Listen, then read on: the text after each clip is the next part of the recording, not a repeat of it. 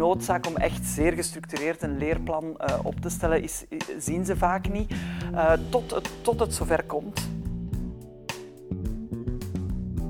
Zij kunnen hè, die, die knelpunten bij hun werknemers in kaart brengen en zij kunnen de actieplan en die acties ook effectief uitvoeren in het kader van een project en daar kunnen zij dus steun voor krijgen. U luistert naar de HR Magazine podcast. Een bekende journalist interviewt twee experts over een actueel HR-thema. Ze geven hun visie op de toekomst. Hey en welkom bij een nieuwe aflevering van Studio HR. Vandaag gaan we praten over duurzaam competentiedenken. En dat doen we met Catherine Bonarens van de Vlaamse overheid en met Annemie Salu van Alimento. En wat zij precies doen, dat gaan ze ons gewoon zelf vertellen. Welkom. Hallo. Dank Duurzaam competentiedenken. Zal ik dan met bij de Vlaamse overheid beginnen? Uh, wat doe jij daar precies, Catherine?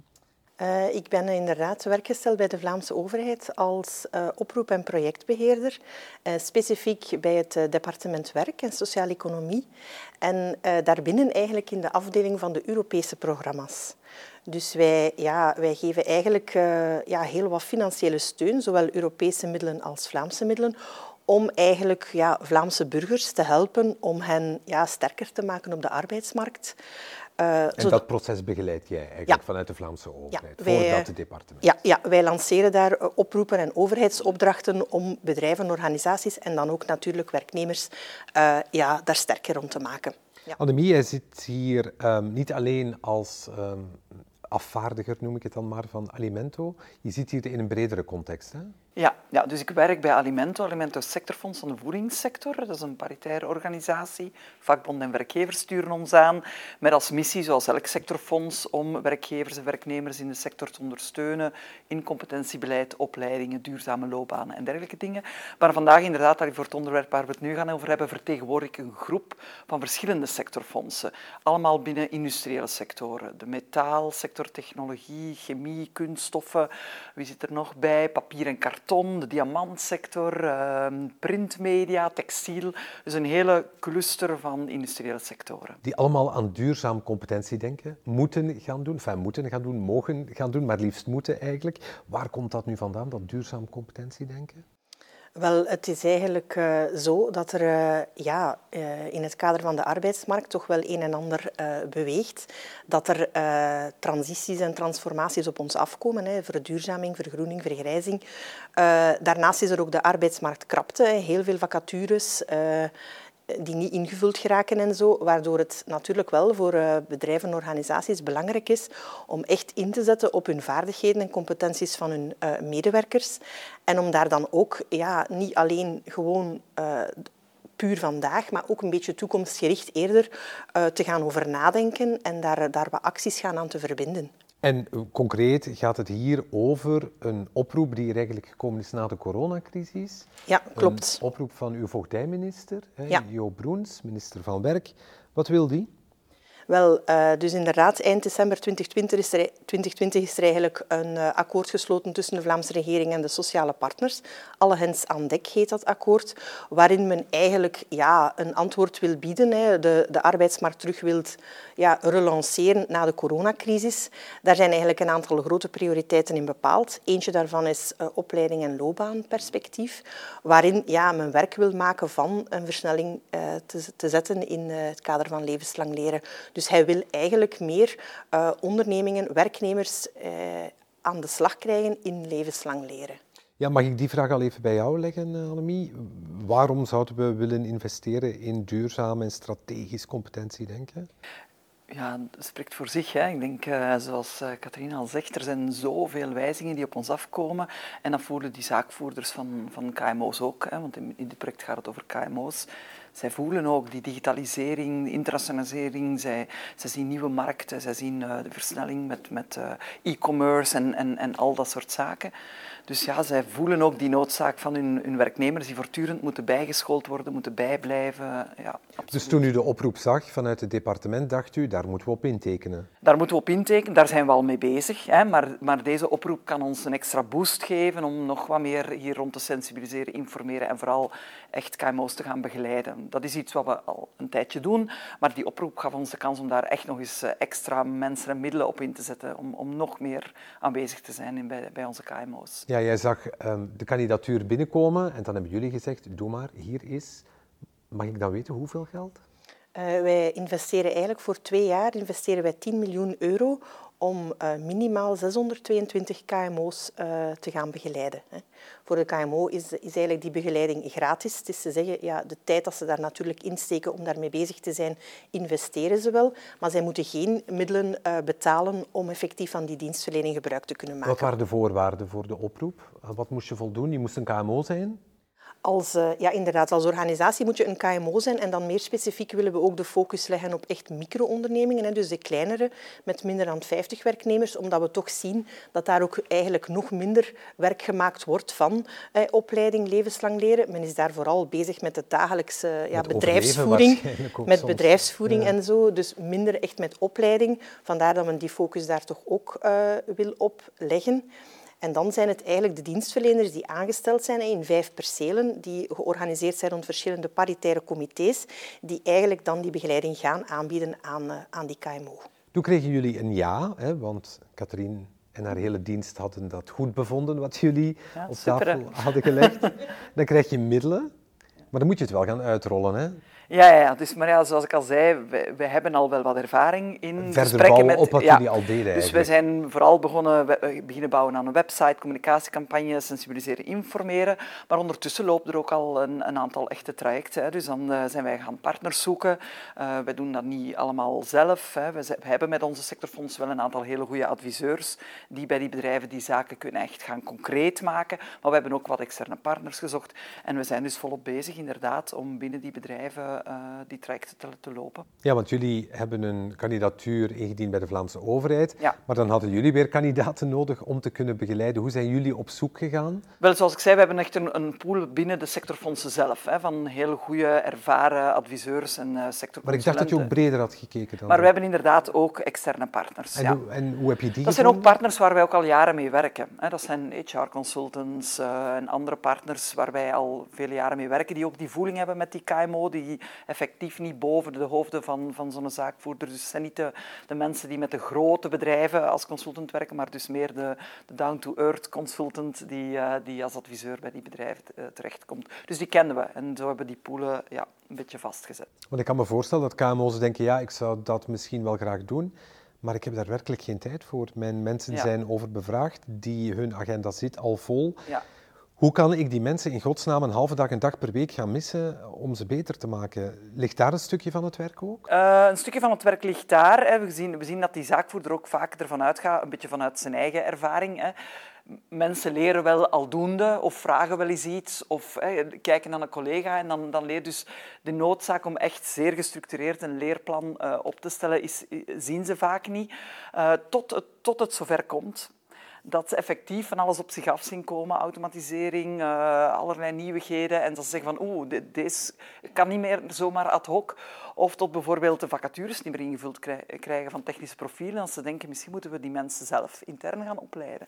Of tot hun bedrijf begint te groeien, hè. zoals Katrien zegt, die min 50 medewerkers, die worden wat groter, dan is dat niet meer zo gemakkelijk te overzien en ad hoc te regelen. En dan gaan ze wel zeggen van oké, misschien moet ik toch wat gestructureerder gaan nadenken over opleidingsplannen, over omgaan met die vaardigheden en die kennis van mijn medewerkers. En dan vinden ze ons wel in, in dit traject. Dan vinden ze jullie, dan is er een match. Ja. En dan? En dan gaan we aan de slag. En uh, zoals gezegd, voor die zaakvoerder is het hoeveel tijd moet ik hierin steken. Hè. We gaan dat tot minimum beperken. Dat is het eerste wat hij wat die vraagt. Van, ik overdrijf een beetje. Maar, um, en dan gaan onze begeleiders gaan kijken, oké, we gaan op maat werken. We gaan een eerste stapje zetten. We gaan met u en met een aantal mensen die belangrijk zijn in uw bedrijf eens kijken naar welke strategische keuzes gaan jullie maken voor de komende jaren. Waar gaan jullie naartoe? Nieuwe producten, nieuwe markten, wat komt er op u af? En in zo'n workshop voelen ze al van, oh ja, dit gaat hier wat verder dan, ik heb morgen een opleiding Excel nodig hè, voor medewerker X.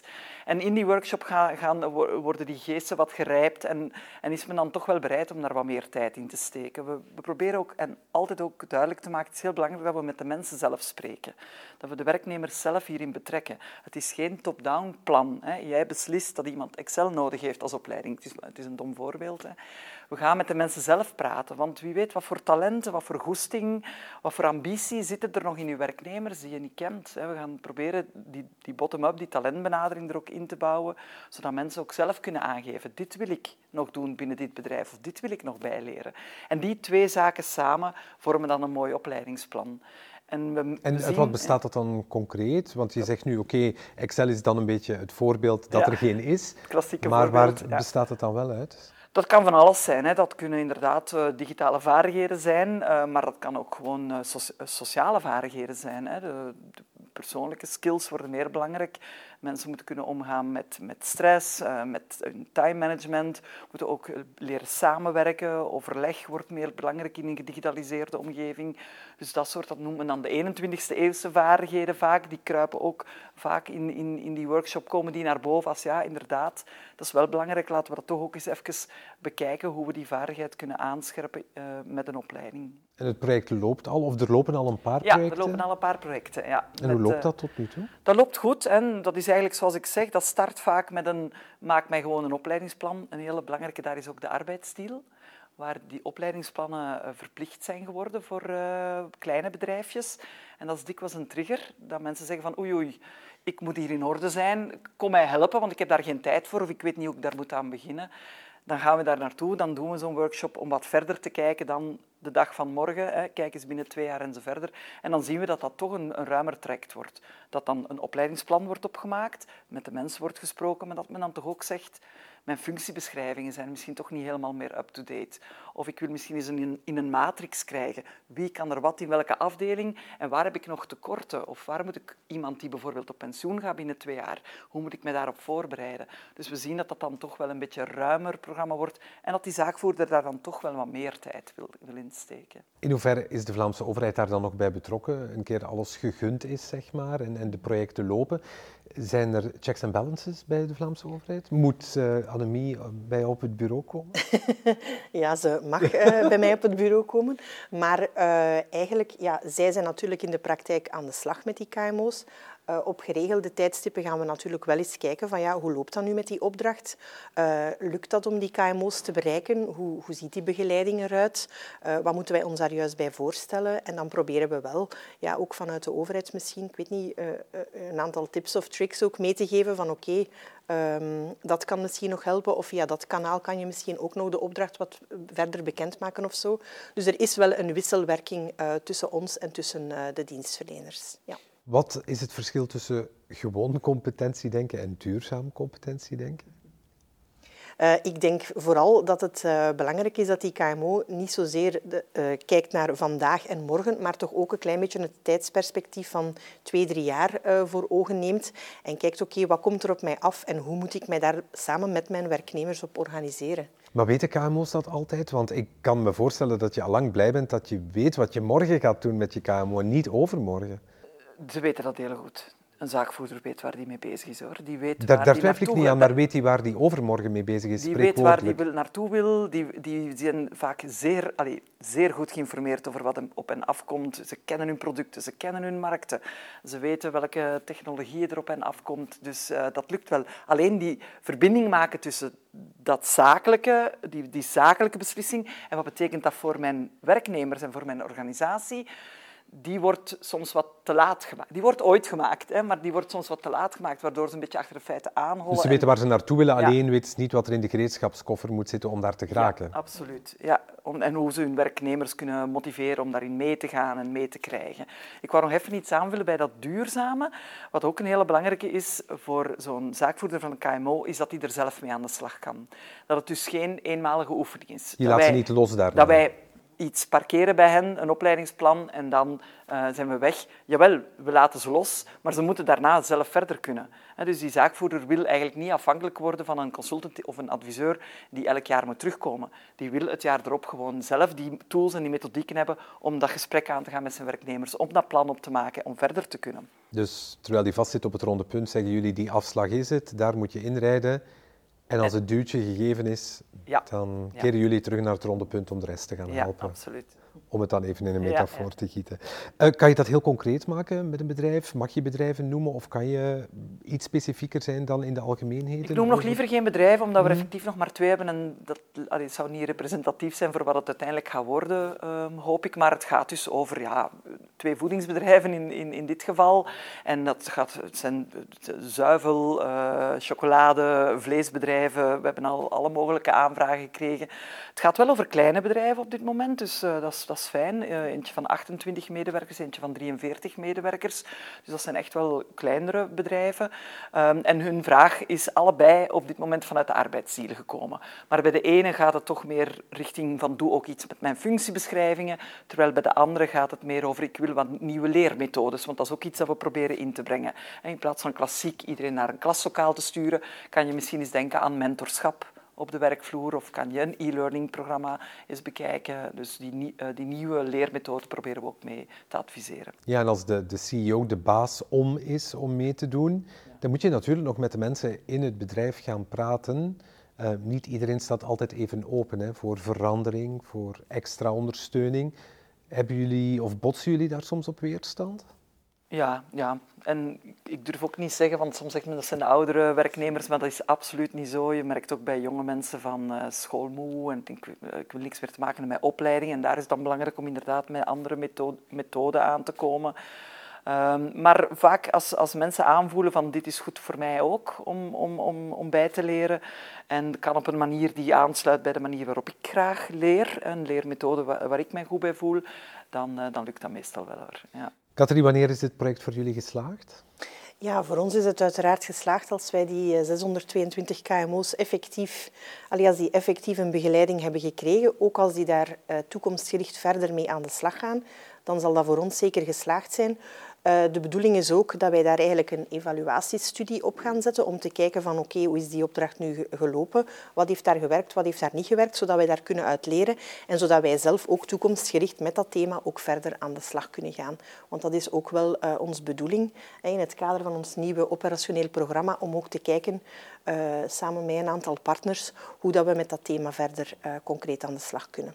Dit is allemaal vrij nieuw, dat mag ik toch zeggen? Mm -hmm. Um, stel je hoort dit of je ziet dit en je denkt, ik wil meedoen. Wat zijn de volgende stappen die iemand dan moet zetten? Als het een KMO is van een industriële sector, eh, dan uh, absoluut mij, mij, bellen, mij bellen, mij googlen uh, en ja, dan, dan vinden ze onze website wel. We hebben een website gemaakt, competentiechecksindustrie.be. Uh, dus daar kunnen ze al informatie vinden en komen ze terecht bij het sectorfonds van hun sector en die gaat hen dan verder helpen met de begeleiding. Dat is natuurlijk de industriële sector, Almi, maar er zijn vijf percelen, zei je bij het begin van het gesprek. Ja, klopt. Wat zijn die andere vier dan? Uh, er is een, een perceel rond, uh, rond hout, excuseer, rond bouw. eentje rond zorg. dan is er ook nog een perceel rond horeca en retail. En dan ook een perceel rond podiumkunsten, audiovisuele sector en zo. Dus eerder zo'n beetje in de, in, in de kunstsector. nu, al die percelen staan ook opgelijst op onze website, uh, europawse.be. Dus ja, stel dat een KMO zegt ik wil daar concreet mee aan de slag, dan kan die via onze website die contactgegevens zeker uh, terugvinden. Wij gaan ook proberen natuurlijk om die opdracht via allerlei communicatiekanalen van ons verder te verspreiden. Ik denk dat ook uh, onze minister daar wel zeker zijn duit in het zakje zal doen. Dus ehm, ja. Alles loopt. Alles loopt. Voor de industriële sector moet je dus bij Anemie zijn en de vier andere Anemies die vinden we in die andere sectoren op jullie uh, website. Klopt. Maar is dat het enige dat KMO's kunnen doen? Nee, uiteraard niet. Bij de Vlaamse overheid, zeker bij het departement, lopen er verschillende maatregelen uh, om KMO's te ondersteunen. Maar uh, ook iets heel belangrijk is de werkbaarheidscheck, waarbij KMO's, maar ook grote ondernemingen, ja, tot 10.000 euro steun kunnen krijgen om eigenlijk werk te maken van werkbaar werk. Dus heel concreet ja, het welzijn van hun werknemers aanpakken, daar een actieplan rond opmaken en dan ook advies en begeleiding inkopen om dan concreet met die acties aan de slag te gaan. Dus ze moeten dat kunnen bewijzen van wij maken werk van werkbaar werk, we hebben daar een heel actieplan voor. Zij kunnen hè, die, die knelpunten bij hun werknemers in kaart brengen en zij kunnen dat actieplan en die acties ook effectief uitvoeren in het kader van een project. En daar kunnen zij dus steun voor krijgen. Maar dan moeten ze wel bewijzen dat er een plan klaar voor ligt, neem ik aan. Ja, ze moeten dat plan dan effectief ook maken. Ja, dat klopt. Ja, ja. Maar niks voor niks, hè? Ja, Zo klopt. gaat dat in het leven. Dat is bij de Vlaamse overheid niet anders natuurlijk. Katrien Bonnarens van de Vlaamse overheid. Dankjewel, Annemie Salu van Alimento. Bedankt voor de heldere uitleg. En u wil ik bedanken voor het luisteren naar een nieuwe aflevering van Studio HR.